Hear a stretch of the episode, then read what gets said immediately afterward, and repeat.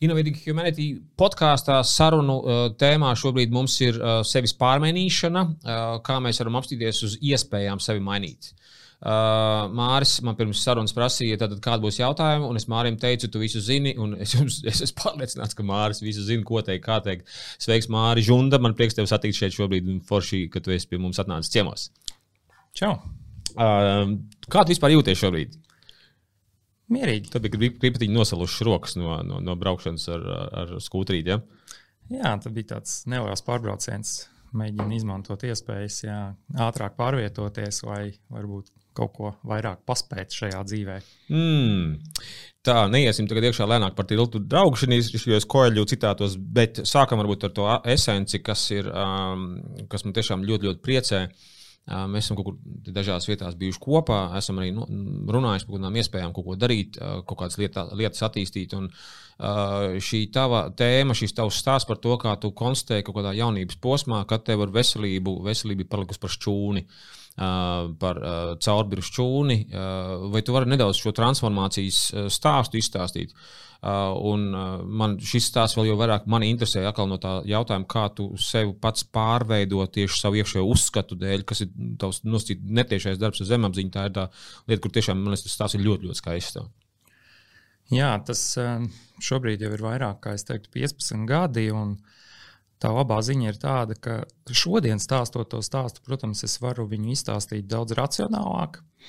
Bet ir jāsaka, ka tad, kad man bija 18 gadi, tad um, tā mētāšanās un meklēt uh, sevi un uh, saprast, vai man ir problēmas ar veselību, vai man nav problēmas ar veselību, man prasīja daudz ilgāku laiku. Teiksim, tā informācija, kas manā vidē bija pirms 11 gadiem, bija ļoti skopa. Un, Tad tu nevarēji pat nomērīt, tev nebija atskaites sistēmas, vai es esmu normāls vai neesmu normāls. Vai ar... Es biju praktiski vesels, Jā. ar paaugstinātu asinsspiedienu, ar 97 kg svaru. Cik tev tagad ir? Piedod. Tagad ir 79. Ok, 16, 18 kg starpība. Aha. Jā. Un uh, vēlāk man parādījās vairogdziedzera hormonu problēmas. Un principā no tāda. Tieši, tieši, tieši kuri hormoni? Uh, vairogdziedzera hormoni. Ok, okay labi. Tur droši vien ir specifika kaut kāda, ne kuri hormoni un, un tā tālāk. Um, Tas ir specifisks hormons, TSH4. Mm, okay. Jā, teiksim. man liekas, ka nebaidies no, no šīm visām detaļām, tāpēc, ka man liekas, ka cilvēki, to saprot un tādā ziņā. Jā, nu, tie, jā. tie, kas zinās, kas ir vairāk dziedzers, tas ir uzreiz jau viņiem skaidrs, okay. vai nu ir paaugstināti vai pazemināti, vai mm -hmm. hiperfunkcija, vai hypofunkcija, vai pazemināts. Mm -hmm. Un, un, un tad dzīves laikā viņš var mainīties no pa labi, pa kreisi. Tad idejas, ka tu visu laiku vienkārši meklē zāles, kā vai nu viņu paaugstināt, vai nomierināt. Ar asinsspiedienu tev ir zāles, lai pazeminātu asinsspiedienu. Bet uh, vienā momentā es uh, tomēr kaut kādā mērā sāku apšaubīt to risinājumu konceptu. Uh, Jo tā kopējā bilde man rādīja, ka tu vari būt veiksmīgs um, universitātē, izglītībā, mācoties, arī darba vidē. Tu vari būt viens no labākajiem vadītājiem vai speciālistiem. Un tas ir tas, kas ar mani arī notika. Bet uh, vienā momentā es saskāros ar to, ka man kaut kāda iekšējā balss tomēr nu, deva to ziņu, ka tas nav par to dzīves kvalitāti, jo tā iekšējā laimes sajūta nu, ļoti grūti nāca Un tu vari būt uh, sestdien, svētdien, it kā uh, atpūties, izgojējies, bet mēs zinām tās pirmdienas nelaimīgās dienas un piekdienas nosacīt darba vidē laimīgās dienas, kad nu, zinām, ka tūlīt būs brīvdienas. Nu, tāds pietiekami klišejisks uh, virziens man bija, bet nu, jāsaka, ka man ar visu to manu dzīvesveidu un to, ka es arī varētu teikt zemapziņā dzinu sevi uz perfekcionismu, uz sasniegumiem, uh, un veselība kā resurss man kuiboja, nu, tad sāk izpausties daudz ātrāk šīs lietas, nekā tagad es redzu. Tas izpaužās 30 gadniekiem, 40 gadniekiem. Nu, man šobrīd ir 37 gadi, un šobrīd skatoties atpakaļ, es teikšu, ka, protams, man prasīja desmit pusgadi, lai nonāktu līdz apziņai, kāda man ir šobrīd. Bet labā ziņa ir tāda, ka es arvien labāk redzu, ka šobrīd to ceļu vairs nav jāiet desmit gadus. Lai šo ceļu noiet, šobrīd manā skatījumā vajag 6 līdz 12 mēnešus. Līdz ar to uh, tas ir tikai atkarīgs no cilvēka, vai tev ir visi pieejamie resursi, laiks, arī vajadzīgs savā ziņā veselības resurss, lai tā teikt, tikt galā ar veselību. un arī finanšu resursi ir nepieciešami. Tātad 6-12 mēneši var transformēt šobrīd fiziski ķermeni, var uh, emocionāli izstrādāt ļoti daudz teiksim, pamat jautājumus, kas arī man bija. Mm, Pastāstiet viņam tiešām par to emocionālo to stāvokli, kas tu tajā brīdī ir. Man liekas, ka ir ļoti labi, ka mēs redzam to kontrastu izmērus. Es domāju, tas emocionālais stāvoklis, kas man bija ļoti milzīga atkarība no sabiedrības standartiem un, un tas, kas man būtu jādara. Nu, piemēram, uh, nu, piemēram, tu biji kodētājs, tu, tu, tu jau biji kodēšanas laikā. Ja? Es, biju, es strādāju IT jomā. Es sāku ar to, ka biju teikt, IT administrators, tad IT vadītājs, un tad es vēlāk sāku darboties kā projektu vadītājs un funkcionālais vadītājs. Teiksim, vadīt cilvēku komandu, kas programmē. Tu biji ambiciozs un tur arī gāja apzināti. Es domāju, tu esi liekas, ambiciozs cilvēks, kas ir liekas, ļoti labi latviešiem vajadzīga īpašība. Ja? Un tā ambiciozitāte arī nāk, ambiciozitāte nāca kopā ar šo perfekcionismu, ar atbildības sajūtu. Mhm. Protams, tas psiholoģiskais modelis, ko es šobrīd redzu, viņš drīzāk mani dzina tajā, ka es kaut kādā mērā jutos nepilnvērtīgs personīgi. Tā tad bija, tā, bija tas dziļais stāsts par to, ka nu, kaut kādā mērā nu, kādam iespējams kaut ko pierādīt gribēju, kādam parādīt. Un tas, protams, jau sākās skolas gados, kad, kad uh, es arī nu, gāju uz visām olimpiādēm, es uh, mācījos, es uh, darbojos, un tā ambīcija ir bijusi vienmēr. Jā. Bet, uh, Nu jā, tā, tā, tā emocionālā puse šobrīd es arvien vairāk saprotu, ka tā um, pozīcija būt pieaugušam, pozīcija uzņemties atbildību, viņa visu laiku manī ir transformējusies ar vien vairāk, vairāk, vairāk, un es ar to ļoti, ļoti daudz strādāju pēdējos um, 3, 4, 5 gadus.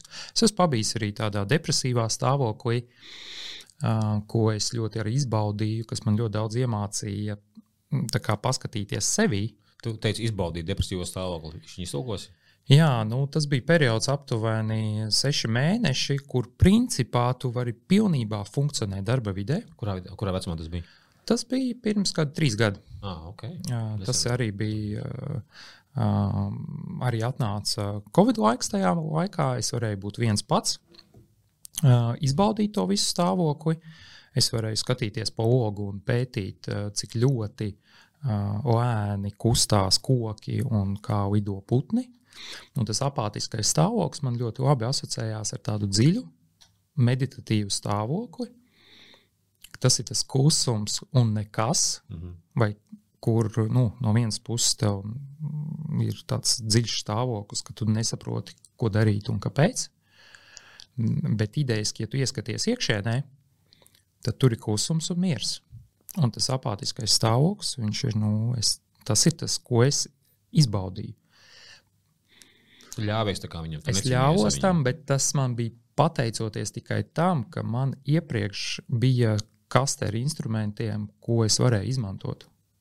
Mm. Un, um, un tas bija tas, ko es vienmēr arī cilvēkiem saku, ka es mācos jaunas tehnoloģijas, jaunus instrumentus, jaunas pieredzes tikai tāpēc, vien, ka ir skaidrs, ka dzīvē būs notikumi. Ļoti, ļoti labi, ļoti labi analoģija, izcili. Var arī tagad iemest iekšā cilvēku savā instrumentu kastē. Ja man liekas, ka tā ir viena no lielākajām bagātībām, kas ir. Uh, kādam būs 200 metodas, kādam 250 metodas. Varbūt tev, cik tev metodas ir un kuras bija tās svarīgākās, uh, kuras tev palīdzēja? Nu, tas pavērsienu moments pirms 11 gadiem man bija uh, doties pie Vima Hofa. Tātad apgūt Vima Hofa metodiku un izveidot arī rudīšanās skolu uz tās metodoloģijas bāzes. Tas bija pirmais impulss bet tas principā mm, stāsts ir par elpošanu. elpošanu. Un augstumu, tātad augstumu kā metodiku. Es arī esmu pabeidzis pirts skolu, pirtniecību, un atkal tur es atkal iepazinu to karstuma aspektu. Tātad augstums un karstums kontrasti. Šobrīd tas ir viss efektīvākais instruments, kas var man ļoti ātri atgriezt nervu sistēmu, ja viņa kaut kur aizpeld. Bet, nu, principā tā, šāda stāvokļa man vairs nenotiek. Mm, un, līdz ar to tas ir ātrākais restarts uh, nervu sistēmai. Teiksim, augstums, karstums un elpošana kā instrumentu kopums. Nākošais instruments priekš manis bija arī pārskatīt uzturu, ēdiens. Teiksim, es ļoti labi savilku kopā zarnu trakta darbību ar neiroloģiju un zarnu trakta darbību ar smadzeņu darbību un enerģiju, atjaunošanos un miegu. Teiksim, varētu teikt, ka lielais ceļš man bija pirms 11 gadiem arī sākt lasīt visas grāmatas par miegu. Es nopirku aptuveni Amazonā visas bestselling grāmatas par miegu, izlasīju viņas un sāku mainīt tos gan paradumus, gan izpratni. Gan zināšanas, un pamazām likt iekšā teikt, labākos, labākos paradumus, kārtot guļamistabu, pievērsties tam virzienam. Fiziski man ir regulāra sauna un pirts. Cik regulāri?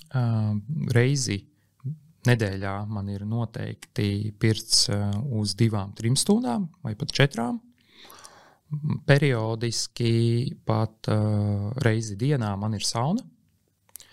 Uh, Gan arī katru dienu es no rīta vakaros. Uh, pa dienu, pa pamatā pa dienu. Mm. Uh, teiksim, tur ir arī savi noteikumi, lai neizsist nervu sistēmu no ierindas. Ir arī savas lietas jādara pareizā laikā. Tas ir atkal stāsts par miegu un chronobioloģiju.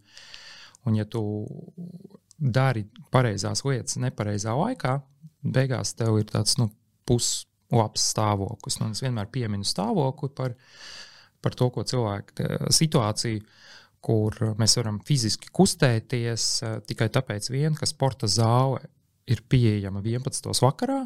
Piemēram, hokejs, tur visi amatieru sporta veidi, volejbols, piemēram, ko es arī sportoju un darīju, bet es darīju to nepareizā laikā.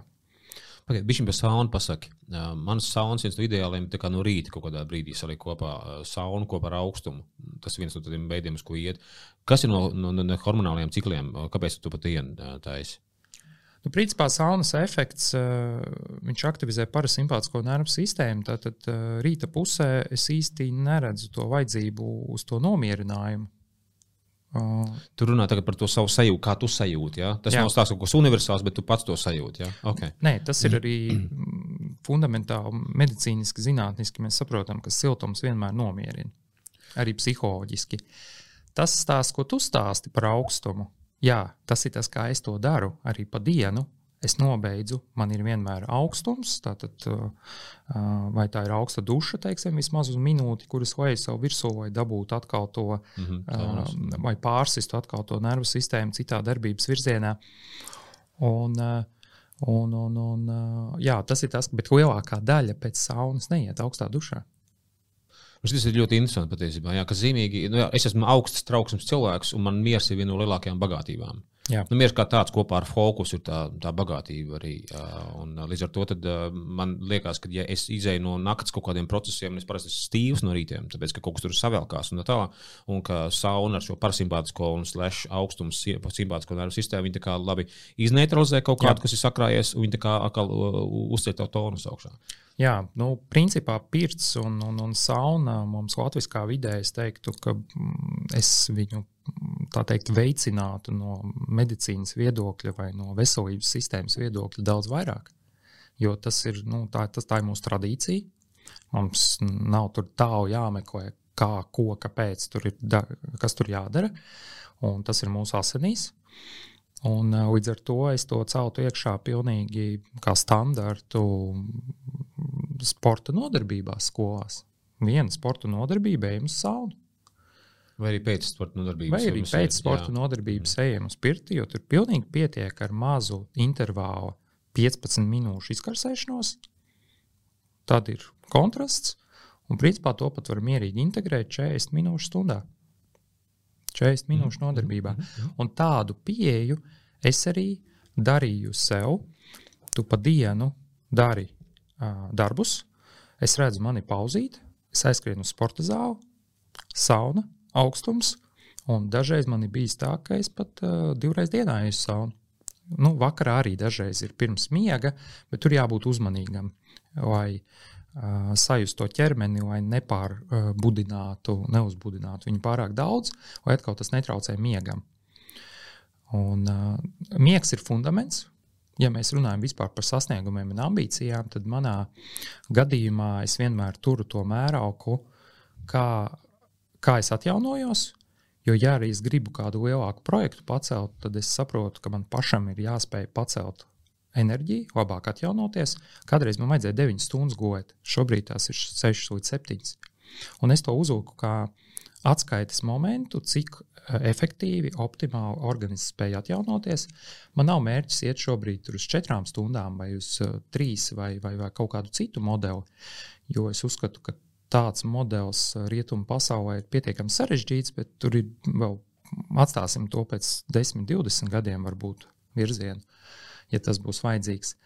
Bet idejiski tāds viens, uh, viens ciklo miegs, 6, 7 stundas priekš manis ir vērtība, jo pēc tam tu atkal dari savas lietas. Tad, tad nu jā, teiksim, miegs kā virziens ļoti būtisks. Tad, tad es varu teikt, ka uzturu izmaiņas bija nākošais pavērsiena moments, un ēdiens ir zāles.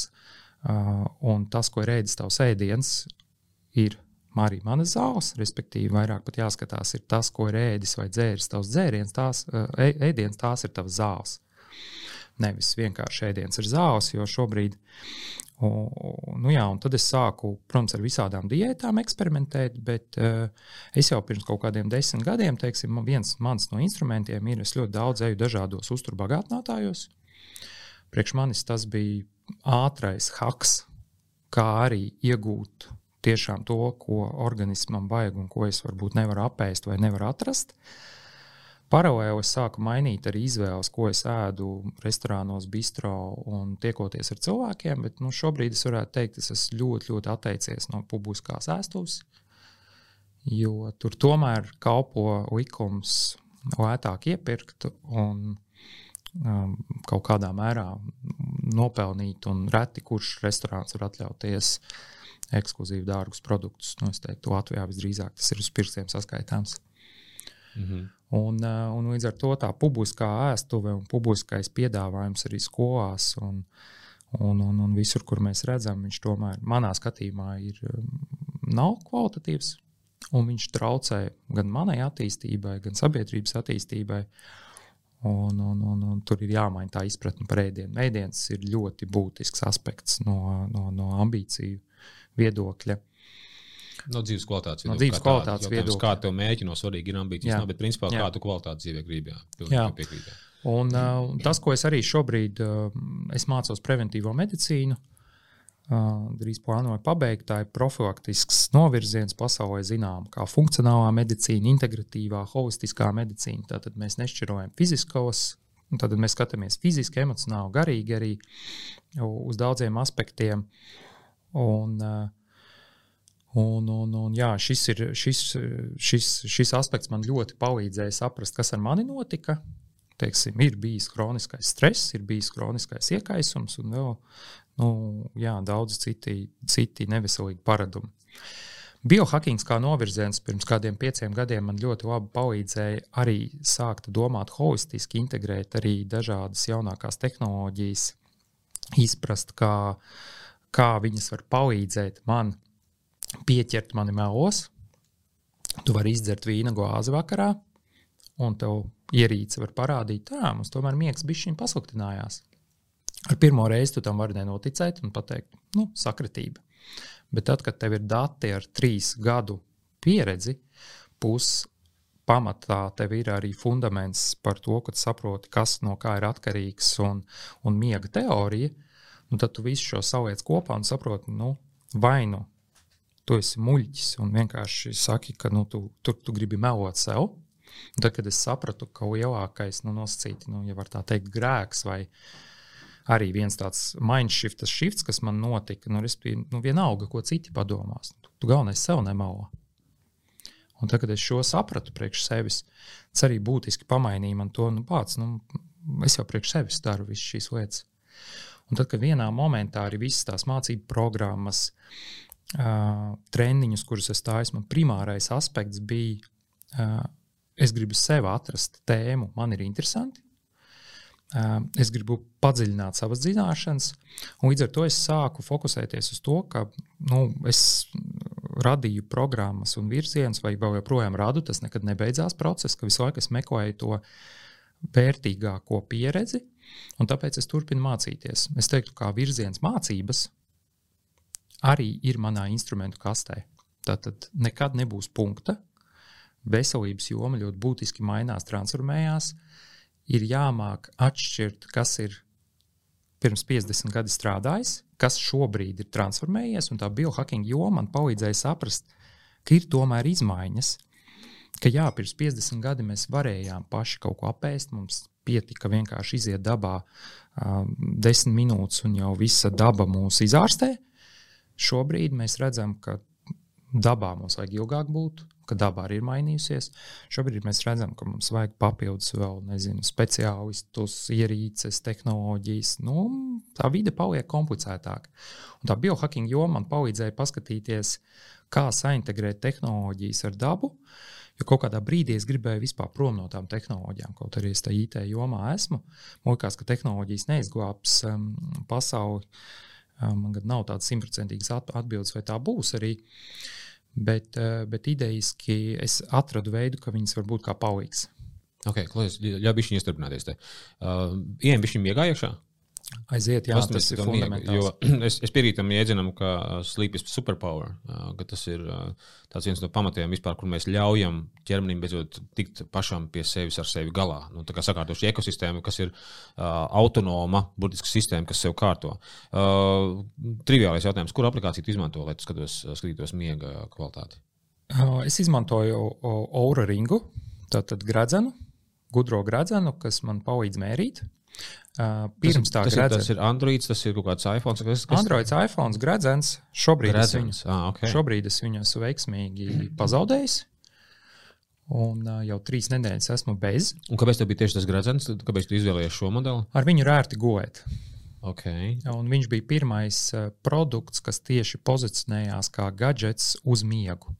Šobrīd pasaulē ir jau vairākas alternatīvas, ir vairāki gradzeni. Tu, ko, ko tu ieteiktu šobrīd citiem cilvēkiem, lai mērītu miegu kvalitāti? Uh, es teiktu, iet gradzenu virzienus. Okay. Uh, tas... Salauzties ar miegu. Okay, jā, ļoti labi, labi izklausās. Jā. Labi, tiešām, labi. tiešām paskatīties uz miegu kā vērtību. Un, un, un, un šī ierīce var palīdzēt vienkārši pieķert, nu, parādīt to vērtību augstāk. Un kādās cenu kategorijās tu ieteiktu pirkt? Tas vienmēr ir tas jautājums. Dažreiz ar, tiem, ar video kategoriju var dabūt high-end kvalitāti un tā tālāk. Ir kaut kas, ko tu ieteiktu cilvēkiem? Ļoti praktiski. Nu, tas, kas ir Aura rings, viņš ir ap 300 eiro. Mm -hmm. Bet jāsaka, ka šobrīd, ja kādam cilvēkam jau ir gadgets pulkstenis, ar viņu ir nērti gulēt, bet uh, kaut kādu brīdi ir vajadzīgs pagulēt vai vienkārši uh, dabūt datus, iegūt datus, un tad uz viņiem paskatīties un, uh, un vienkārši pieņemt lēmumus, uh, ko es ar tiem datiem daru. Tātad, kā es viņus interpretēju. Kas, un, mm un, un tie dati var palīdzēt vienkārši. Nu, mērķis ļoti vienkārši. Panākt to, lai miegs ir vērtība. Individuāli katram cilvēkam, ģimenei par to ir jāvienojas, sabiedrībā par to ir jāvienojas. Un tad sāksies nu, izziņas process. Tie ir vēl tad, tad, tad numur viens uh, telefona aplikācijas, kuras vienkārši noliec sev netālu no galvas. Es to esmu darījis. Tas un... ir starterīts. Viņu efektivitāti vērtēju aptuveni uz 30%. Okay, un... Pūksteņu tātad, um, efektivitāti vērtēja 50 līdz 70%, mm -hmm. gradzena efektivitāte 70 līdz 90%. Datu ticamība, efektivitāte, vērtība. Super, ka tu pateici procentus, prātam patīk metrika. Ļoti, ļoti labi. Jā. Uh, starp citu, es to miegu ierunājos. Es, es pats biju, man, es pārdesmit gadus nevarēju aizmigt vispār. Un, uh, nu, labi, man šī gadījumā, es ar zemapziņas to valodas uh, metodiku to pārslēdzu. Un, uh, man ļoti reti, kad naktis, ka es neaizmiegu. Taču šis ir viens no tiem lielajiem stāstiem arī par to, ka, man, ka tu esi labs izglītības pārdevējs, vai stāstītājs, vai metožu stāstītājs un pārdevējs. Ka, uh, Tiešām stāstīt uh, par šī miega nozīmību un uh, iedot šo stāstam šo vērtību. Tāpēc, ka daudziem liekas, ka mēs tagad runāsim par miegu, nu, aļo, ķeramies pie kaut kā nopietna, pareizi. Uh, kas ir tava pieredze, kas ir tie tavi elementi, vai kas ir tevi, tie tavi piči. Jo tu esi, man liekas, ka es, mēs bijām vienā pasākumā kopā, kur tur ļoti, ļoti labi tev divās minūtēs tā nopičoja savu dzīvi. Nu, vienkārši klausījos, teicu, oh, mārketinga cilvēks un tā. Uh, ko tu pičo cilvēkiem par miega vajadzību, un ka miegs ir jāskārto un ka viņu var sakārtot? Kaut kāds īstais pitch, ko, mēs varam palaist tautās un lai pieliek. Nezinu, kaut kādās radiokolonnās, tirgus laukumos. Nu, es pamēģināšu, bet tā ideja man vienmēr ir tāda, ka es cilvēku plecus pamasēju, tagad vienkārši lai iekustinātu, tā kā lai, lai uz būs to. Okay. Parasti cilvēkiem saku, ka nu, es nemēģinu atrast viņu vietā to motivāciju, bet caur miegu es gribu parādīt to, ka kāpēc tu gribi izgojoties, respektīvi, priekš kam tev izgojoties labāk. Jo, ja tu negribi pēc tam mainīt savu dzīvi, jo ko miegs izdara, tu labāk izgojosies, tev būs enerģija, tu pirmdien pamodīsies priecīgs, tu darbā būsi priecīgs, laimīgāks. Un tas nozīmē, ka tu sāksi kāpt ārā no tās normālības.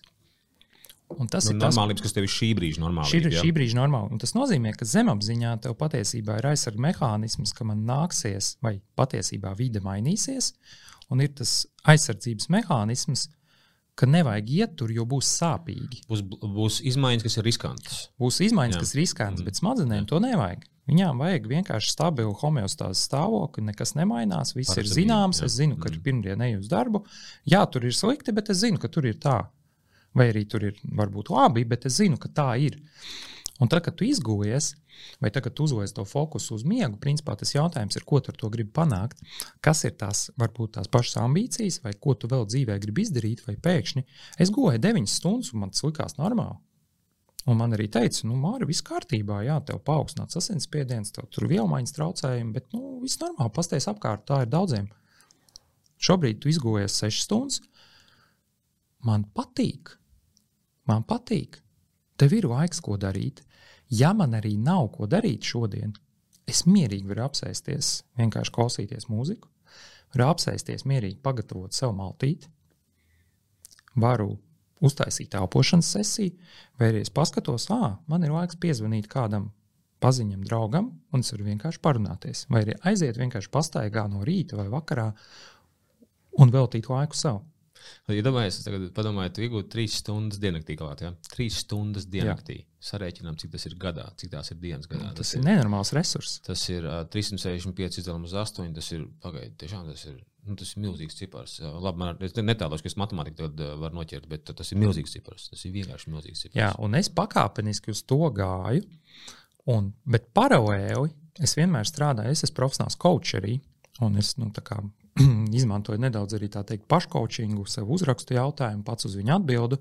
Bet nu, paškaučingam ir arī limiti. Tu tā tāpat tās nevar līdz galam iezakties teiksim, visos dziļumos. Bet es, viņu, bet es izmantoju teiksim, papīru, pildspalvu vai zīmolu, rakstu savu jautājumu un atbildu. Un, protams, paralēli visam es turēju to, ka man ir jāceļ tā ambīcija, cik daudz cilvēku es gribu iztrenēt vai kādas programmas es gribu palaist, vai kā es gribu redzēt to savu uzstāšanos, un, vai kādus projektus jaunus es gribu pacelt, kā es to nociparoju, kādu ienākumu es gribu, kā es redzu to uh, sajūtu, kā es jūtos visā tajā. Un visus šos jautājumus es cilvēku. Un, un tad arī tev nav, nav jautājumu par to, kāpēc kaut ko darīt vai nedarīt. Bet nu, es arī tur nošāvu greizi, arī ar, teikt, līdz izdegšanai, aizgāju līdz depresijai. Tas bija saistīts ar to, ka visādi projekti sakrita. Un, un, un, un, un arī, teiksim, arī Covid laikā sanāca tur ar visiem plāniem un projektiem, tur gan finansiāli teikt, izdzīvot, varētu teikt, tādu bankrotu sajūtu, ka, ka finansiāli arī ir grūtības. Bet eh, tas, tā viss bija ļoti vērtīga pieredze. Eh, nu, kā saka, ja tas man nenogalina, tad tas padara mani stiprāku. Un, un, un es tieši tādu ceļu eju, bet es mēģinu viņu balansēt, audzēt projektus, audzēt, cik daudz es pats varu nest, un, un audzēt arī savu iekšējo resursu, kas ir miegs, kas ir enerģija, kas ir laimes sajūta. Man ir svarīga, svarīga laimes sajūta. Es kādreiz ļoti maz smaidīju. Nu, es neteikšu tā, ka es tagad arī īpaši daudz smaidu, bet eh, šobrīd vismaz man tā iekšējā sajūta ir tāda, ka es iekšēji māku smaidīt. Šobrīd es esmu iemācījies to, ka no fiziskā ķermeņa viedokļa es māku pārvaldīt. Ja man kaut kas sāp, man ir nezinu, trīs instrumenti vai trīs speciālisti. Es zinu, kas man darāms, es zinu virzienu, ko es pats varu darīt. Tad man ir sava tā veselības, pratības, kompetence augusi. Un es zinu, kā es varu noteikti sadarboties ar kādu. Man ir telefonā tas, tas, tas, tas, tas man ir kontakts ar to speciālistu. Līdz ar to man no stresa viedokļa, ja iet runa par veselību, man viņš arī ļoti zems. Man nav jābaidās par to. Ja arī kaut kas notiek, tad man ir backup varianti. No emocionālā stāvokļa arī tas stāsta par to, ka tu esi apzinājies, kas tu esi, ko tu gribi, kas ir tava misija. Šīs tās lietas, kas manī ir, tā teikt, es esmu tā teikt, transformējies, mainījies, strādājis ar šiem jautājumiem. Vai tas bija viegli? Nē, tas nebija viegli. Tas bija, tas bija asaras, tas bija gan dusmas, gan visa emociju spektrs, kam teica cauri. Tā ir apzināšanās ar to, kāda ir tava miedarbība ar vecākiem, ar partnerattiecībām. Nu, šīs tēmas, attiecību veidošana, bet man tas jautājums ir ļoti viegls. Es uzstādīju, ka es gribu vērtīgas attiecības. -hmm. Tas bija viens no kritērijiem. -hmm. man, ir nokrit, man ir kritēriji tam, kā es gribu justies. Šobrīd fiziski strādāju pie skeleta un muskuļu sistēmas. 6, 12 mēneši es plānoju ļoti būtiski transformēties. Emocionālajā stāvoklī es zinu, kā es gribu justies, kādas ir manas attiecības, un tur ir tā vērtība. Un arī garīgajā prizmā, teiksim, es skatos ar fizisko, emocionālo, garīgo. Man arī ir jāapzinās, ka tur arī ir instrumenti, prakses, kuras man ir jāpraktizē. Un arī jādarbojas. Tur ir gan daba, gan miedarbība, gan uh, mantras, es izmantoju, gan meditācijas, citreiz elpošana bez meditācijas, citreiz tikai meditācija. Um, arī citas garīgās prakses, enerģētiskās, kuras es piekopju. Um, Jā, nu, teiksim, tas instrumentu klāsts. Ko es gribu ieturpināties ik pa laikam? Man liekas, ka podkāstā ir baigi labi, jo tu, tu esi lektors. Tu varētu 40, 50 minūtes runāt viens pats pareizi. Jā, jā, es varu ieiet plūsmā un, vienkārši man ir savs domu gājiens, kas varbūt tā ved cauri tos cilvēkus kaut kādam storijam. Bet kas pareizi tu saki. Tas ir interesanti par to, ka, zin, ka internets jau dzīvo īsos mazos fragmentos. Jā. Ja tu runā 30 minūtes, tu nezini, ko tu ar to iesākt. Tu paliek tikai tā auditorija, kas noklausīties stundu, piemēram. Nu, tā, līdz ar to ievelc gaisu apmēram tā pēlpo. tas, tas, tas, tas no tā, jā.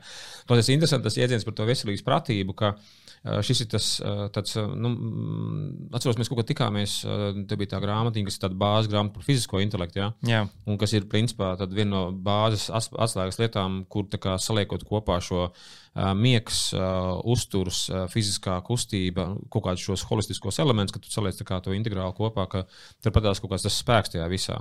Un šī ir tāda atkal jēdziena daudzināšana, kas laikam nu, baigi, baigi būtu vajadzīga sabiedrībā kā tādā. Un arī, lai mēdīte noķer šo vispār to, to jautājumu kā tādu. Jo es, kad tu pateici arī par tiem uzturbagātinātājiem, šis bija viens no maniem lielajiem lūzieniem. Uh, kad vienā brīdī es no koncepta mana griba un prāts uh, var visu, kad es saprotu, ka, uh -uh, restīvi, ja tev tas stress ir noēdis magnīju, tad tā ķēde, kas aiziet, ka tev nav tas magnīs, vienkārši ir apbrīnojama tā ķēde. Ka tev D, tagad D vitamīnu cilvēks sapratuši, ka Covid ir palīdzējis D vitamīnu nozīmi saprast. Ja? Un, uh, starp citu, par tiem uh, uzturbagātinātājiem, kas ir tas, ko tu pats lieto, ko tu, ko tu iesaki cilvēkiem. Jo šis ir interesanti par to, ko es pats lietoju, ko tu esi piefiksējis, kas tev strādā, kas tev nestrādā. Es tev nedaudz atgriezīšu to stāstu jā, par uzturbagātinātājiem caur nu, tādu salīdzinošu prizmu. Respektīvi, konvencionālā medicīna, viņu, viņu instrumentu klāstā ir zāles.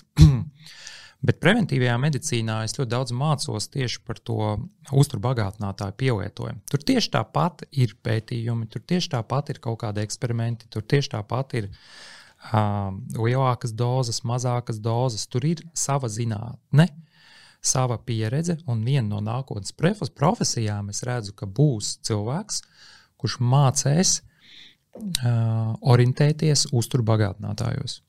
Jo šobrīd tā ir nu, niša, uh, tā teikt, ļoti tāda neskaidra. Kā, ko, kādas formas un tā tālāk. Tur ir simts un viens jautājums. Es šobrīd, principā, konsultēju cilvēku. Viņu saku, nu, saliekam pa plauktiņam, vispār šito vajag, šito nevajag, šitais dara šito, to un to un to. Un tur ir vesels darbs mēs pat neesam pieķērušies, ko vajag. Uh, pirms, uh, pirms nu, daudz ko izskaidrot vispār, kāpēc vajag, kāpēc nevajag un tā tālāk. Ko es lietoju pats? Man ir vien, vien maz iestarpinājumi šeit. Es vienkārši iedomājos, ka tagad um, ir sākās mācību process, un, piemēram, es tagad stāstīju par to zemapziņas valodu, ko es tagad iztaisīju to kursu, mm. jau, kad Jā. divus gadus strādāju ar to zemapziņas tēmu, un es redzu, ka es pie viņa gāju, tāpēc, ka es atradu vēl efektīvāku veidu, kā mēs varam tiešām nu, pie cēloņiem tikt. Taču tas, ko es redzu, tur ir, tas ir stress organismam, tāpēc, ka tās ir pārmaiņas, tās tiešām ir pārmaiņas. Un es domāju, ka bez mazliet tas ir tāds jautājums par tulkitu. Es ik pa laikam, kad es skolotājiem strādāju, tas skol, skolotāji ir visspilgtākais piemērs, kad tev priekšā ir 100-500 skolotāji kaut kādā telpā, tur viņiem darbojas, tas ir kaut vai tā ir divas stundas, vai tās ir trīs nedēļas, un tu saproti, ja viņiem nav D vitamīns, jā. ko viņi uztvers, ja viņiem nav cinks, ja viņiem nav magnīs, un tā tālāk, protams, ko viņi vispār uztvers. Un tad, principā, ir tas jautājums, sorry, ka es viņu iesprotošu šeit tagad, bet šis jautājums par to, cik var lēti, šis ir diezgan liels atslēgas vārds, lēti iegūt pilnvērtīgu savu šo, šo statusu, ko attiecībā par visiem minerāļiem un kādā, kādā stāvoklī mans organisms ir. Viens mans čoms teica, viņam ir 600 eiro, viņš taisa pilnu apskatu. Kas ir tas lētākais, ko cilvēks var iegūt? Uh, nu tā. Tajā brīdī, kad enerģētikas cenas nokritīsies, ka cilvēki varētu pie tā pievērsties. Atkal. Nu, manas izmaksas uz uh, uzturu bagātinātāju mēnesī kaut kur ir ap 200 eiro. Ok, aizvien vēl solīt apakaļ. Ja tev jāuztaisa tests, ka, kas ir lētākais veids, kā testu uztaisīt?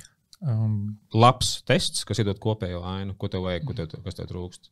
Es varu uz gulbi laboratorijā aiziet un uh, pasūtīt to un to. Man tur pateiks, ka D vitamīns tik un tik. Un Ziniet, es bišķiņi aizgriezīšu atpakaļ to stāstu. Uh, teiksim, ir kaut kādi pirmie soļi, teiksim, regulāra ūdens dzeršana un regulāra ēdiena maltītes var ļoti daudz ko sakārtot. Bet tāpat būs deficīts. Bet mēs iztiksim, varēs iztikt no tiem papildus uzturbagātinātājiem, ko varbūt nevajadzēs pirkt. Tad mēs nonākam pie lētākā varianta. Respektīvi, sākumā bišķiņi var piekoriģēt arī daudzas lietas, vai mums uzlabojās teiksim, visādi specifiskie suplementi. Bet tātad fundamentāli Klausies, viena nianses. Tu tagad atbildi holistiski. Saprotu, integrēti. Jā. Bet man ir bijis cits, es gribu Jā. segmentāri tev paprasīt. Jā. Segmentāri, tāpēc, ka apsties. Man ir specifika, es ļoti specifiski ēdu. Es ēdu desmit pārtikas produktus. Manā visā dzīvē 90% pārtika ir no desmit pārtikas produktiem. Es neākstos. Nopietni. Tur ir grīķi, krējums, biezpienas, kartupeļu kaut kas tamlīdzīgs. Līdz ar to es nevarēšu nominēt tagad ēdienu, ēdienkarti tad tas nozīmē, ka man garantēti nebūs tas, tas, tas, tas. tas, tas, tas. Jā. Līdz ar to eh, mums klausās kaut kāds cilvēks uh, Valmjerā, Ilūgstajā aizputē vai Bādenbādenā, Vācijā.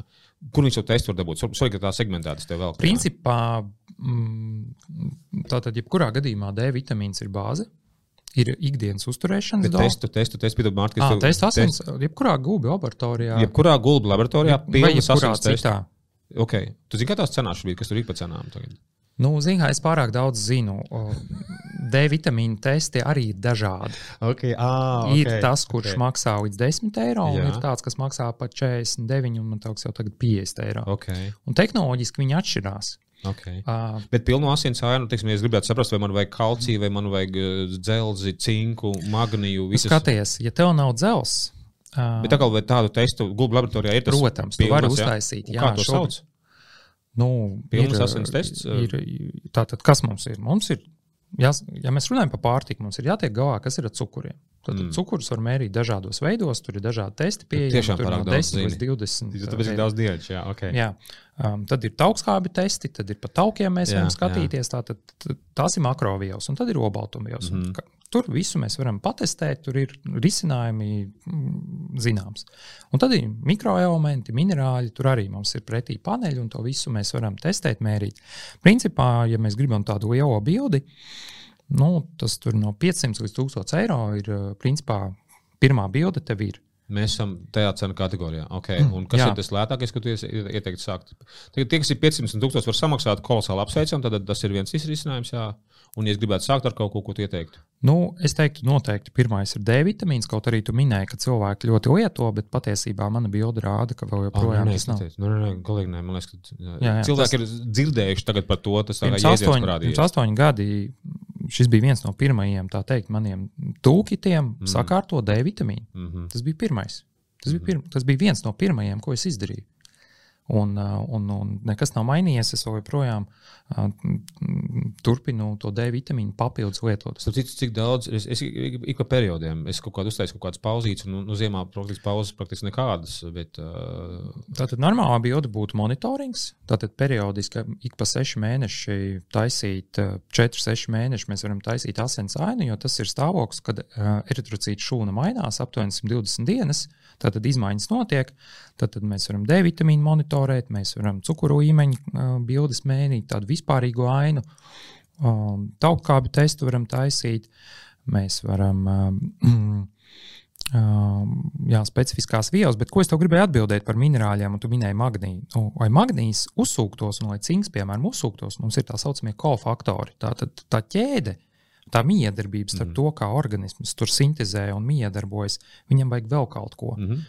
Un tāpēc mums dažreiz ir magnīts pūs kaut kas, vai D vitamīns pūs magnīts, vai D vitamīns pūs K vitamīns, vai tur kā divi dažādi produkti. Tad ir formas vēl atšķirās. Tātad ir stāsts sintētiski produkti, ir stāsts um, dabīgi produkti. Uh, ir pētījumi, kur organisms neatšķir. Viņam ir viena auga, vai tu dod iekšā sintētisku vai dabīgu, bet psiholoģiski cilvēkiem ir atšķirība. Un tur līdz ar to šī, šī tēma ir pietiekami sarežģīta. un, un, un, Līdz ar to. Uh, jā, es tam pilnīgi piekrītu, tāpēc, ka man nu, ir tie magnīti veidi, cik vien jau pēc tam, ko es saprotu, ka es, man sāk teikt, tur ir tik, tik, tik, tik magnīti, saprotu, ok, es tikai palūdzu, pasakiet, lūdzu, ko man lietot. Nu, jā, un tas ir tas stāstījums, kāpēc tur cilvēki nenirst iekšā, bet ja mēs runājam par to sabiedrību, kuru es un tu varbūt veidojam un gribam redzēt, teiksim, transformēt viņu, es teiktu tā, ka cilvēkiem ir jāapzinās, ka viņiem tas ir rīks un instruments, kas nākotnē ir viņu šobrīd neizmantotais potenciāls, potenciāls resurs. Jā. resurs jā. Jo arī, ja mēs skatāmies uz to pašu Toniju Robinsu, Džodis Pēns un daudziem citiem, tur ir paskatīties, viņam blakus ir arī suplementi. Jo es domāju, tur ir divi aspekti. Viens ir biznesa aspekts, protams, tas ir ok. Un ir otrs aspekts, es domāju, līdzīgi kā tu, viņi ir sapratuši, ka tomēr liela daļa klientu, kas pie viņiem nāk, nu, viņi nenonāk tajā stāvoklī, ka es apsēdīšos stūrī, visu, visu izsintēzēšu, visu atrisināšu tajā zemapziņas līmenī, un, uh, un viss būs bumbās. Mēs varam runāt par tādu pieredzi, ja tev ir tur, nezinu, nezinu 10, 20, 30 gadu pieredze meditācijā vai, vai, vai vispār zemapziņas jautājumu risināšanā, bet, uh, bet nu, tas nebūs tik vienkārši. Un es arī skatoties uz, teikt, arī uz šiem guru, kuriem arī es sekoju un, un, un esmu lasījis grāmatas, tas arī man deva tādu iespēju, ah, ja viņi par to runā, ok, tur kaut kas ir. Un man ir vienmēr tāda tendence pamanīt, varbūt lietas, kas vienmēr skrien pa priekšu. Teiksim, pirms pieci gadi jau es runāju par biohackingu, pirms desmit gadi es jau darbojos ar Vimu Hofu metodi, un tikai šobrīd eh, nu, mums Latvijā ir iztulkota grāmata. Tad ir desmit gadu periods, lai mēs no, teiksim, no angliskās vides saņemam kaut ko latviskā vidē. Mm -hmm. un, uh, un tad, kad es arī apzinājos, ka nu, es arī nedaudz skrienu visam pa priekšu, teikt, uh, nu, tas man arī bija atviegloja, jo uh, es varbūt sevi nešaustu par to, ka, nu, ka man ir sajūta, ka kāds kaut ko neuztver, varbūt, un ka kāds kaut ko nesaprot. Kad man ir vajadzīgs laiks, ir vajadzīgs laiks, kamēr sabiedrība, kamēr mm, tā mūsu pratība, kamēr kaut kas no nišas kļūst par normu. Absolūti, es pilnīgi piekrītu.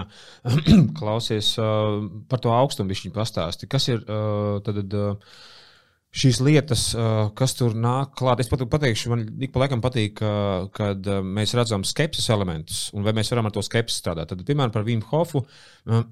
Uh, es esmu vienu, vienu viņa elpošanas tehniku, ik pa laikam esmu izmantojis, un tā tālāk. Uh, Um, par Vimu Hofu, par to, ka, kas tur viņa kaut kāds čoms pateica, klausies, tur nav jēgas to turpināt, ja netaisa to par biznesu. Ka viņi pieķērās pie biznesa taisīšanas, un ka tā ir vienkārši tu ej augstā ūdenī un vienkārši tu tur elpo, ka tur nekas vairāk dziļāk nav.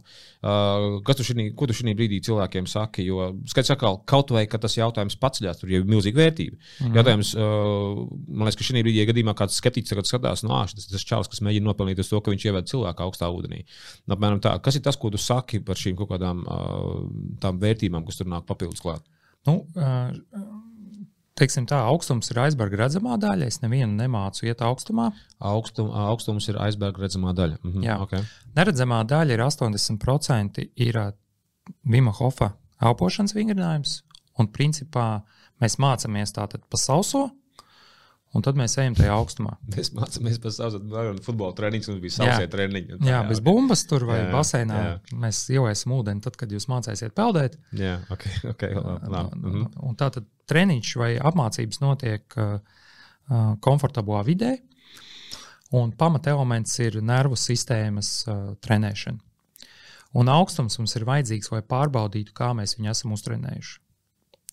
Tātad būtiskākā atšķirība, teiksim, ieiet iekšā auņģī vai ieskriet un, uh, un izskriet ārā, ček, mēs to varam izdarīt. Jautājums, vai cilvēks pirmajā pieredzē var trīs minūtes nosēdēt auņģi. Tas ir tas, kā mēs ejam treniņā. Tātad tas. Uh, Trīs, nevis divas. Es biju uz, uz divu minūšu procesu. Jā, nu, man jau ir jā, trīs minūtes. Jau es redzu, okay, ka pēc diviem gadiem tur būs 30 minūtes. Nu, aptuveni, jā, tas okay, tā arī notiek. Okay. Kādreiz man bija minūte, tad divas, tad trīs. Mm, es vienkārši mm. redzu, ka cilvēks spējas adaptēties ir milzīgs. Arī tā mana pieredze, kā es jau spēju teikt, iegūt to, ka nervu sistēma ir mierīga. Tā teikt, es redzu, ka tas strādā. Klausies, un šeit, tad, vai es saprotu, ka šis augstums ir kā analoģija stresam? Un nevis vienkārši alegorija vai analoģija, bet tā ir fiziska izpausme, kurā nu, tas kā Jā. summējās. Ja? Jā, tā tad mēs apzināti izraisām pozitīvo stresu, bet ir uzsvars uz apzināti. Un pozitīvais, tāpēc, ka es ieeju apzināti. Ja, ja vienkārši mm. man iemet augstā ūdenī, un tas ir negaidīts, un Jā. tas ir pārsteigums, tas ir ne, nu, Jā. negatīvais. Tas. Jā, tas var radīt traumu. Šī, šajā gadījumā mēs ejam apzināti. Mēs apzināti pieņemam lēmumu, ka mēs izraisām tātad augstums ir stresors, un ar šo pieredzi mēs mēģinām ar viņu tikt galā. Mm -hmm. Un, un, un tam mums par pamatu ir metodoloģija, kā mēs tur varam nokļūt, iziet ārā. Nu, un, uh, augstums ir skolotājs, jo viņš sāk triggerēt dažādus jautājumus, un viņi sāk triggerēties fiziski, emocionāli. Mēs bieži vien runājam par sajūtām, krāpji, pēdas, rokas, augstums un tā tālāk. Un tad mēs varam sākt skatīties uz to ķermeni, kas tur notiek. Un tas pats arī ar emocionālo stāvokli. Tur ir dažādas emocijas. Un, uh, un, uh, nu jā, un tas ir tas, ko es uh, savā treniņu programmā arī velku ārā no cilvēkiem, vai ļauju viņiem pamanīt šīs lietas. Un, nu, un tad ir turpinājums. Mm -hmm. un, Šis man atgādina ļoti to procesu, ka es vargāju no mēdījiem uz izglītību, un tad bija jautājums, kā es varētu savu domāšanu pārslēgt. Un tie atkal ir interesanti arī tiešām kaut kādas mūsu rīcības, kas mūsu ķermeni un psihi pārveido. Es biju dzirdējis, ka Japāņi taisa biznesa skolās uh, uh, vienu uzdevumiem, ka viņiem jāgatavojas maratonam. Tagad, kad sāc gatavoties maratonam, tu principā sāc saprast tos principus, ko nozīmē informācija, ko nozīmē saprast savu ķermeni, ko nozīmē resursi. Principā tu caur visu, un tas iet arī interesanti. Visu, ko mēs iesaistām ķermeni, tur bija šī zemapziņa iesaistās. Līdz ar to, uh, kur, tavs process, man liekas, ļoti, ļoti svētīgs, vai Vimhof metode, ka tur ir tas ķermeņa un zemapziņas iesaistīts. Es, es domāju, Jā. tas var nav tā tieši un apzināti. Es nezinu, vai Vimhofs savā semināros stāsta, kur mēs ar zemapziņas šancēm, bet tādā ziņā, ka tas ir tāds ļoti tieši princips. Man bija kaut kādā brīdī, es saprotu, tā, man ir, man ir, es esmu bijis futbolists profesionāls, līdz ar to man ir sprintera vai vidējā sprinta eh, speciālists domāšanas modelis. Es tur esmu divu mēnešu sprinteris, man vajag maratonistu. Ok, un es sāku gatavoties maratonam. Mm -hmm. Būtiski, ka tu pārslēdz savu, savu kaut kādu darbību. Un te ir tas pats, ka tev ir kaut kāds šķērslis, un tu pasaki savam ķermenim, kā mēs ar to strādāsim. Un, principā, ļoti daudz ko iepazīst sevi, ja tajā procesā, kā teikt, un cauri. Jā, nu, manā gadījumā man lēni šis process gāja. Pašam priekš sevis. Ja, pašam, tu... pašam priekš sevis mm. man šis process bija nosacīts lēns. Mm -hmm. Šobrīd tā mana kompetence, pieredze un zināšanas ir tādas, tas, tas ko es teicu, ka 6, 12 mēneši var to izdarīt.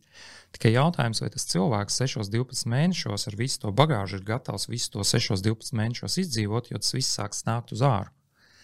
Ķermenis, lai mainītos, Mm, arī ja, izmaiņas ir tiešām stress, burtisks stress. Jā, tas mm. būs. Un līdz ar jā. to tur ir jābūt kompensējošiem mehānismiem, kas mazina to, kas notiek. Ja ķermenis attīrās, tad var, āda var mainīties, var, var nezinu, pat mati var izkrist. Nu, vienkārši var notikt restarts. Ķermenis var nu, pilnīgi nomainīt visu to savu fizisko stāvokli. No, tu biji tagad iebiedēji. Tad tev ir bijis, ir bijis kāds precedents, ka cilvēkam tik ļoti transformācijas, jo es esmu redzējis diezgan lielas transformācijas savos pēdējos cik gados, tādos garīgajos gājumos. Tādu, ko tu šobrīd stāsti, un es neesmu piefiksējis. Pastāstiet, tev ir kaut kāda situācija tāda? Ja? Nu, tādi procesi var notikt. Nu, elementārākais process ir uh, slimība, var būt kā izpausme, piemēram. Tu uz viņu pastāsti, nu, cilvēki baidās augstums slimību. Piemēram. Mm -hmm. Lielākajai daļai tas ir vienāds. Es iešu augstumā, es saslimšu, jo nu, mums tur ieprogrammēja mm, augstums slikts un, un, un, un viss tur slikti. Uh, tātad slimība Mm, tātad izpausme var būt, tu vari paskatīties divējādi uz viņu. Tātad tas ir process, kur notiek tātad izmaiņas, jo kaut kam vecajam ir jānomirst, vai nezinu, vai nezinu, jātīrās nervu sistēmā iekaisums, kad viņš attīstās. Kompresēts vai latents, un tas vienkārši iznāca ārā. Ja? Jā, tas iznāca ārā. Var āda nomainīties, var nezinu, kaut kādas izpausmes parādīties, var sākt kaut kas sāpēt. Un tad mēs jau varam identificēt kaut kādu sistēmu, kas ir vājā, un tad viņu sākt tur ķūnēt vai mm. uzlabot.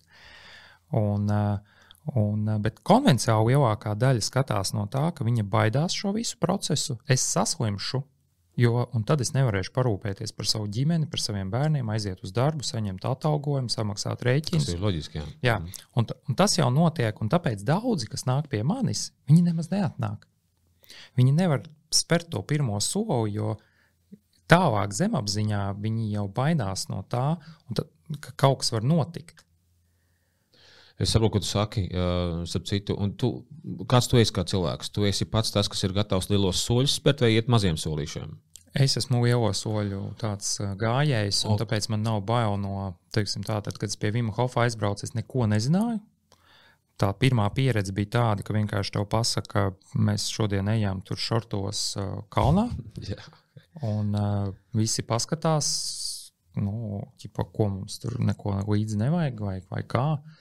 Nu, un, uh, nu, es izdzīvoju. Un šī kontekstā man te ir jautājums, jo es esmu lielo soļu gājējis arī dzēnu darīsim par lielo, darīsim maksimāli kvalitatīvu un tā tālāk. Vienalga kādos apjomos, ja vajag, teiksim, tādos apjomos. Un tas, ko es esmu fiksējis, man parādās jautājums, man kā trenerim, vai es esmu empātisks pret cilvēkiem, kuri grib iet mazos soļus. Man šobrīd uh, es esmu piefiksējis tādu ļoti nu, don't do harm uh, tajā uz, uzstādījumā, lai palīdzētu cilvēkiem visu laiku atgādināt. Lūdzu, saprotiet, kas tu tāds esi. Uh, man jogas skolotāja kaut kādā pirmajā retrītā pateica, klausies, tu ēd lieliem kumosiem. Es domāju, nē, es normāli ēdu. Viņš saka, nē, tu vienkārši ēdi lieliem kumosiem. Tu sāc domāt, jā, es ēdu lieliem kumosiem.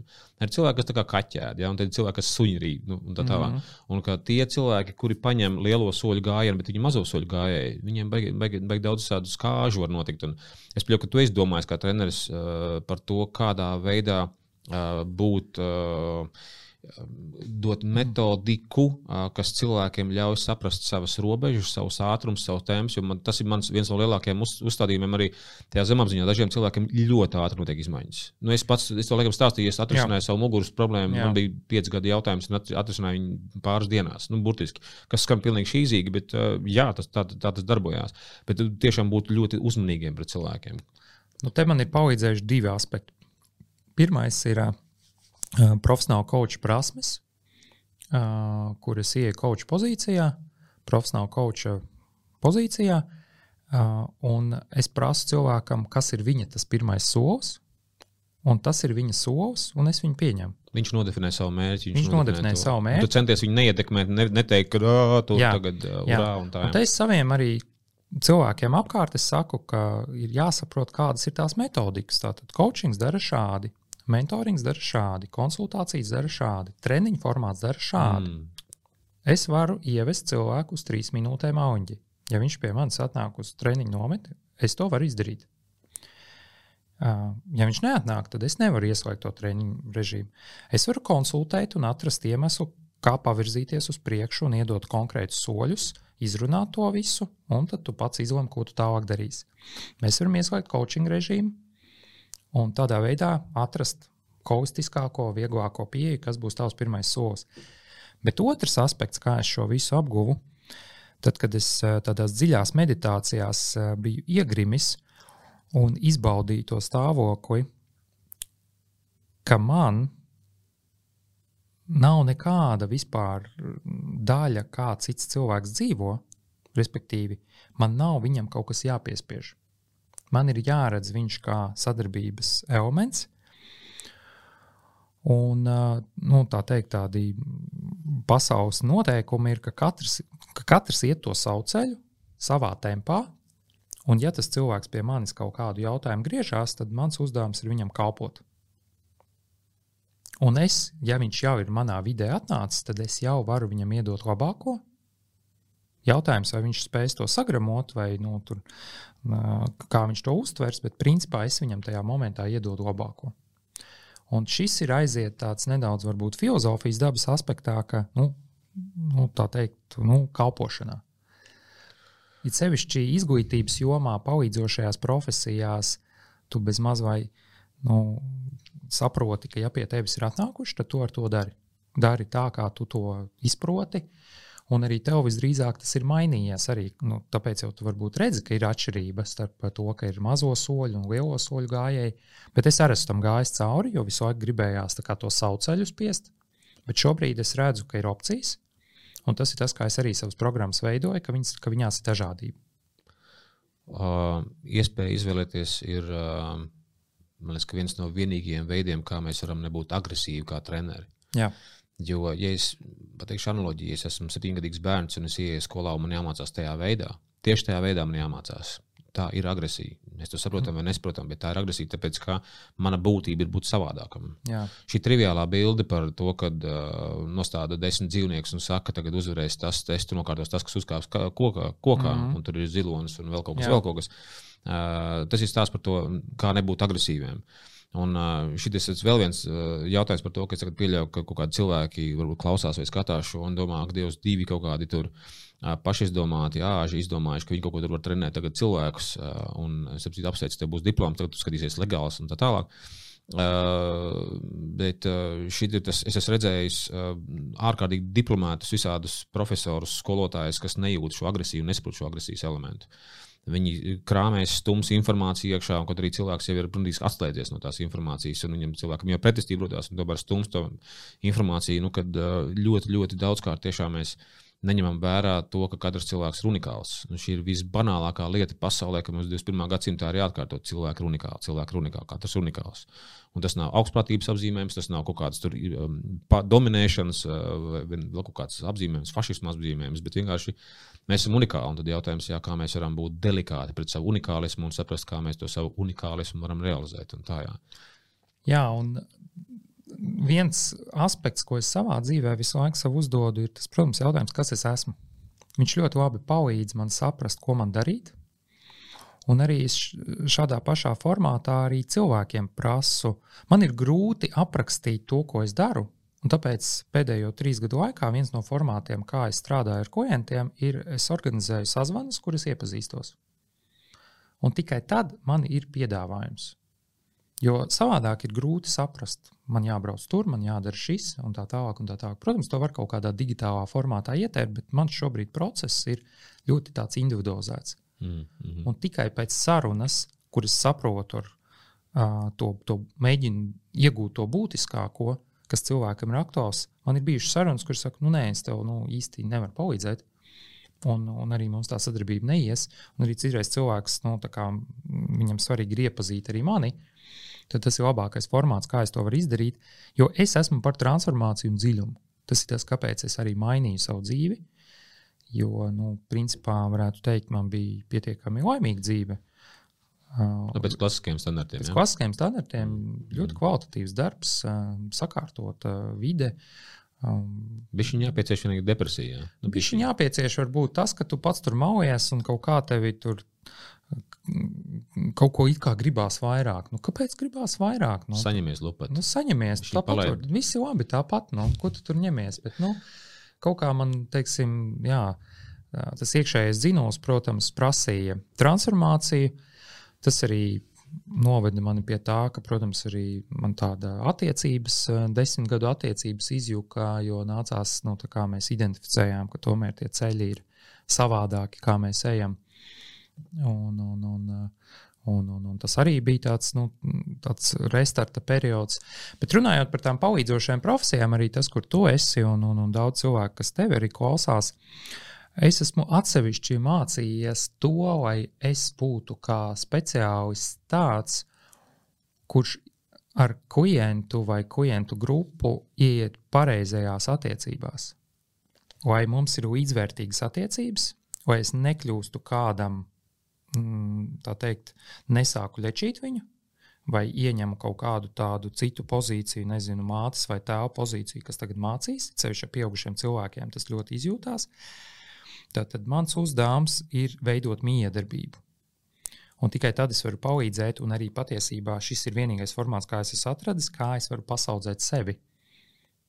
Jo, ja nav šīs miedarbības, un es aizēju kaut kādu, man atslēgas moments ļoti vienkārši. Pēc sarunas es uzdodu sev jautājumu, kā es jūtos. Pēc konsultācijas, sarunas, pēc treniņa, kā es jūtos. Pirmie treniņi man bija tādi, ka es biju beigts.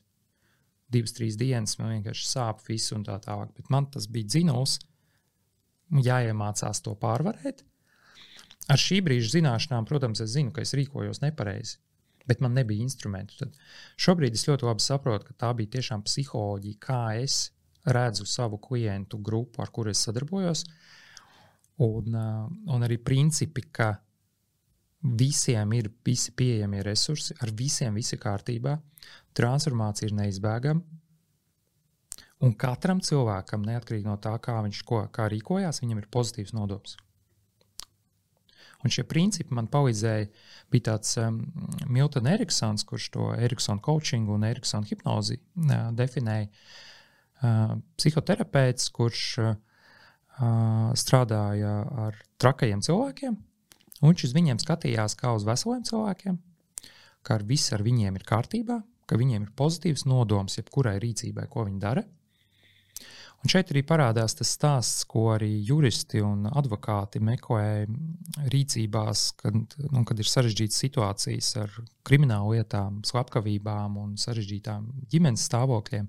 Ja mēs paskatāmies no tā aspekta, tad arī nu, teiksim, vecāki, kuri baro bērnu um, kopā ar suni, ja meklēt nodomu, viņa nodoms ir pozitīvs. Viņi grib viņu pabarot. Bet tie resursi, kas viņiem ir pieejami, nu, ir tādi, kādi ir pieejami. Tātad mm. nodoms no sociālā viedokļa tas ir nosodāmi, ko mēs redzam no malas, kā, nu, teiksim, kāpēc 21. gadsimtā kaut kam tādam jānotiek. Bet tādas lietas vēl joprojām notiek. Respektīvi, uz smagākajiem keisiem mēs varam šos principus ļoti labi redzēt. Bet, eh, tad, kad, bet viena lieta ir apzināties šīs lietas, bet cita lieta ir tas, ko es mācos, ir sajust teiksim, šo stāvokli. Un tāpēc tas jautājums, kā es jūtos, Tu bieži vien savā nodarbībās prasa cilvēkiem tiešām nu, patiesi, kā jūs jūtaties. Un, un, un, Tas un es, ir sākums visām, visām nodarbībām. Jā, un es sev to uzdodu arī pēc dažādām situācijām. Mans uzdevums arī pēc šodienas sarunas ar tevi ir pašam. Nevis kādu tagad mācīt, vai, jo nu, tā visa informācija, viņa, teiksim, tas nodoms iedodas. Mans mērķis ir sadarbība ar tevi, daudziem citiem cilvēkiem, un tas saglabā manu iekšējo resursu. Un tādā veidā tie, kas ir šajā pareizajā stāvoklī, viņi vienkārši paņem to informāciju un viņi vienkārši viņi dabīgi uh, inspirējās, viņi dabīgi paņem grāmatu, viņi dabīgi atrod materiālus, un viņi pēc tam tikai atsūta feedback, ko tas bija vērtīgi. Tas bija vērtīgi. Um, Viņš ir pamainījis tēmu. Um, tu daudz tādā ar tiem, kas ir 18 jaunāki. Ja? Tev, ir, tev ir daudz jauniešu ja? arī. Jo es pārsvarā man bija tendence strādāt tikai ar 18. Plus. Mm, man ir 18, plus, 95% jaunieši ir okay. mazāk. Man ir Tad tīri tur, kur man ir jauniešiem pieaicina. Tā, tā, tas ir cits segments. Sapratu, vienkārši šeit ir tas incidents. Man kaut kādā brīdī uh, Uh, kaut kas teica, Čoms, uh, labais Alans Kalniņš, teica, ka viņš bija ļoti, ļoti priecīgs par tavu darbu vienā nometnē, kur tu varēji, varēji tā kā burtiski ieviest mierā, mierā sīčus. Likās, Jā, man ļoti, bija uzdevums. Pabeidzot domu, pabeidzot domu, uh, paldies tev. Uh, tā ir viena no lietiņām. Es, es mācos lūgt cilvēkus nepārtraukt. Man, man visu dzīvi tas ir nācis līdzi, un tā tālāk, projām tā ir tāda mana stēle, kuras vienkārši mācos būt uh, mm -hmm. tā. Paldies, tev liels novērtēji, uh, ka kaut kādā brīdī uh, man tagad nesen arī bija darbošanās ar 13 līdz 18 gadiem, 17 gadiem. Un uh, kas ir interesanti, kāds, kāds tev ir novērojums, tad, tad uh, tas, ko es fiksēju. Uh, Man, man viena no metodēm ir miera un fokus prakse, kur pēc iespējas dziļākā mierā ievest cilvēkus, uh, lai tur būtu pēc iespējas saglabātos fokus, un tad tu ļoti labi vari dot kaut kādas pozitīvākas uzstādījumus sev, uz ko tu gribi mainīt sevi. Un ka jauniešiem ir diezgan liela tendence diezgan ātri izkrist no fokusa ārā, tur viņi sāk krākt pēc minūtes, divām, trijām, četrām minūtēm. Kāds tev ir novērojams ar jauniešiem? Um, teiksim, te, ir, te ir vairāki aspekti, ko es jau pamanu. Tad mums ir bijis laikam jāpaļo saruna. Mēs esam kolosāli norunājuši. Jā, pa stundu burvīgi tiešām. Jā, tātad mūsdienu jauniešiem chroniskā stresa tolerance ir augsta. Tātad stresa tolerance viņiem ir augsta un arī vienmēr ir bijusi. Arī mēs, kad bijām jaunieši, mums ir bijuši liela uh, tolerance izturēt stresu. Hmm. Bet tikko ir 8. Pēc kaut kāda statistika par šo? Vien?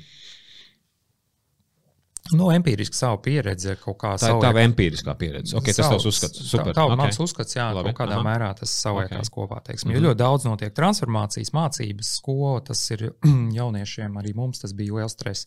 Un tagad, es atnācu uz Rīgu, pēc idejas tev dzīve sakārtojās. Tev ir, tev ir skola, tev ir darbs. Bet, un, un, un, Un, un, un, un tad tev ieslēdzās novecošanās process, un mm. tad tev ķermenis vairs nespēja ar to tikt galā, un tad tas kroniskais stress vienkārši sāk parādīties. Tas, tas kas ļoti daudz ar jauniešiem notiek, 18 būs aiziet prom mm -hmm. no mhm, familijas, mm -hmm. no skolas, un tad sākās principā. Tāpēc arī ļoti daudz statistiski 20 līdz 30 jau mums ir, nu, es teiktu, ļoti daudz nu, sliktas statistikas par veselību. Jauniešus iemidzināt var viegli, caur elpošanu, caur kustību. Arī tai nometnē man uzdevums bija iedot viņam powernapu. Un, un tur ļoti interesanti. Tur bija sešgadnieki un tur bija patsmitgadnieki. Un vienā momentā tas vides aspekts, ja kāds sāk jau teiksim, atslēgties, tev mainās smadzeņu viļņi, tas sāk sinhronizēties ar apkārtējiem. Un tas, ka sākumā kāds tur bļaustās čau, vai arī kāds pat neaizmieg, viņš apkust. Mm ja viņš arī pat neaizmieg. Tur bija kādi, nu, nezinu, kādi 50 jaunieši.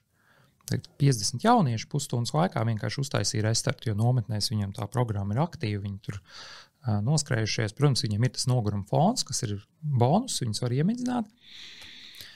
Uh, un, un, un, un uh, līdz ar to tehnika strādā. Uh, bet, ja mēs runājam par pieaugušiem, tad viņiem tas kroniskais stress ir tik liels, ka viņš ir jādabūna ārā no sākuma, tas, ko to arī darīja ar dažādām meditācijām un, un, un vēl uzdevumiem. Un, ja tev tas kroniskais stress ir, tad tu vispār nevari padomāt par nākotnes savu redzējumu. Tu esi pusi no cilvēka. Tu esi burtiski pusi no cilvēka. Jā, kronisko stresu. Jā, jā. un to es ļoti labi redzu uh, coaching sesijās ar cilvēkiem, kurus redzu, ka viņš neredz sevi vispār pēc 10, 20 gadu. Viņš neredz vispār sevi pēc pusgada. Viņš nevar nodefinēt kāds viņš ir, kas tur notiek. Viņam ir un, un, un, un viņam tas kroniskais stress ir tik liels, ka organisms ar visu Jā. savu fizisko, emocionālo viņš saka, man šodien ir jāizdzīvo. Viss. Un zemapziņa ir vienkārši hausā.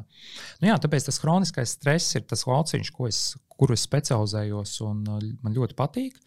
Es viņu arī skatos caur uzturu jautājumu, teiksim, zēnu trakta sakārtošanu, kas ir um, cilvēki, kas strādā ar psihi un neko nedara ar uzturu es ar viņiem nesadarbojos. Teiksim, ja cilvēks mēģina strādāt ar. Nezinu, Viņi tādu lēmumu nav pieņēmuši. Tas nozīmē, ka tu īsti, iespējams, tu nevari viņiem arī uzspiest kaut ko tādu darīt. Tā jā, viņi, viņi jā. to nav pieņēmuši, mm. bet es ar tādiem nesadarbojos. Jā, tas man liekas, ka ir arī ļoti godīgi. Tas ir arī liekas, stāsts par to, ka nebūt agresīvam pret cilvēkiem, tāpēc ka viņi vēl nav šajā posmā, viņi ar to negrib. Šī dzīves posmā viņi ar to negrib strādāt. Jā, jā viņi, korekt, nu, jā. viņi negrib, nezina. Mm -hmm. tā, tas ir jā, jāciena. Tas, tas ir tiešām jāciena. Jā, jā. Nu, mūsdienu sabiedrībā tu vari atrast ja kādu gribi risinājumu. Nu, ja tev mm -hmm. uh, ja patīk tas cilvēks, kurš to ja nestrādā ar zemu traktu, nu, tad ej pie viņa un darbojies ar tām metodēm, kas viņam pieejamas. Un, attiecīgi, ja tu esi aizgājis pie viņa, tad kaut ko arī dabūsi dabūs no viņa. Klausies, uh, tagad tavai intuīcijai paprasīsim, vai tu vari burtiski ārkārtīgi īsā laikā, 30 sekundēs, kas tev nāk uh, vienkārši intuitīvi prātā, kas būtu trīs lietas, ko tu ieteiktu uh, darīt šobrīd sabiedrībā vai cilvēkiem, kas būtu liktos ļoti svarīgs, lai mēs kā sabiedrība, vai tas ir tiešām Latvijas kontekstā vai cilvēces kontekstā, varētu kaut kur aiziet tur, kur tu gribētu. Trīs lietas, kas tev nāk uzreiz prātā. Um, Tūkot ārzemju grāmatas, un, un, un, un finansēt viņas. Un, Svarīgo literatūru tulkot latviešu. Jā, jā okay. jo, likt bibliotekās, piemēram, likt pieejami. Bibliotekās likt pieejami, integrēt mācību procesā. Mm, okay. un, un, teiksim, tas ir tas, ko es saku, ka pasaulē ir informācija, kā būt priecīgiem, laimīgiem, enerģiskiem. Nevajag, nevajag desmit gadus. Lielisks punkts, lielisks punkts. Jā. Tā tad izglītība un materiāls. Uh, otrais, es teiktu, ka ir jāceļ sabiedrības standarti kopumā, ja mēs runājam par valsti. Standarti, uh, standarti veselības standarti, laimes standarti. Mm. Tātad pasaulē ir modeļi, kas jau pierāda, ka var dzīvot ilgi, laimīgi, kvalitatīvi. Tātad ir šie standarti. Tātad sākt virzīt viņus kā kritērijus, Mhm. Nevis tur mums ir. Tā kā IKP kritērijas, tāpat tās ir kaut kāda cita, ir veselības kritērija. Jā, tālāk, nevis jā. mums ir, tagad mēs priecāsimies par to, ka mēs gadu ilgāk dzīvojam, bet kāpēc mums nav kritērijas, ka mēs varam dzīvot 20, 30 gadus ilgāk? Okay, tam lēcienam ir jābūt daudz lielākam. Papildināt kritērijus, pēc kā mēs mēram mūsu jā, sabiedrību. Jā, lieliski. sabiedrības veselības, jā. pratības, standarti. Mm -hmm. Un nu, trešais, nu, trešais laikam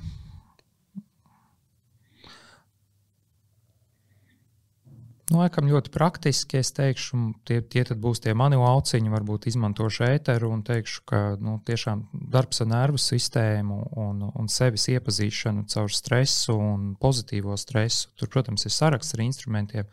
Nu, es teikšu, elpošana man bija ļoti transformējošs process. Augstums man bija ļoti transformējošs process. Viņi ir dabīgi pieejami. Tas ir tas, kas man patīk par viņiem. Nu, nav jāmaksā, viņi principā ir līdzi visu laiku. Arī tagad ir ūdens, augstums ir pieejams. Tā resurss ir atgriezies. Resurss ir atgriezies, jā.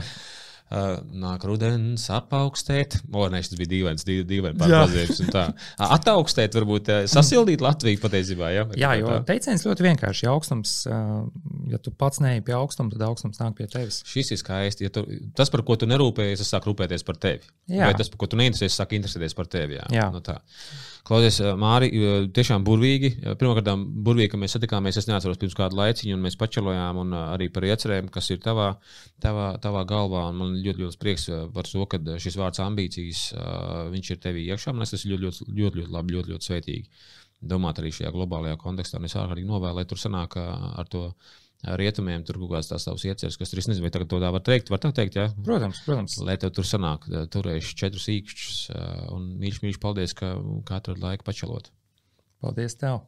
Vienmēr patīkami tādas dziļas un uh, daudzpusīgas tēmas pārunāt, jo tas ir retums, kad kad ir tāda patīkama, silta komunikācija.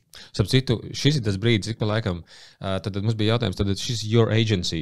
Mēs kopā Eleven Humans ir your agency šo podkāstu taisam, un šis ir tas brīdis, kad es varu tiešām pateicībā par to, ka rekur Arturs tur sēž, ja? Ilmārs tur sēž, ka viņi palīdz mums šādu podkāstu taisīt, kur mēs varam šādas tēmas runāt. Nu, tādā ziņā, ka mēs necenzējam sevi, vai tas ir pa dziļu vai nav pa dziļu, vai tas ir pa virspusē vienalga. Vai mm -hmm. mēs mhm. iztamies pēc muļķiem vai neiztamies pēc muļķiem. Restīvi šeit var dziļi muļķi atnākt. Vai kaut kā tā. Jā. tā jā. Labi, paldies tev um, un uh, turam īkšķi, lai tev sanāk. Paldies!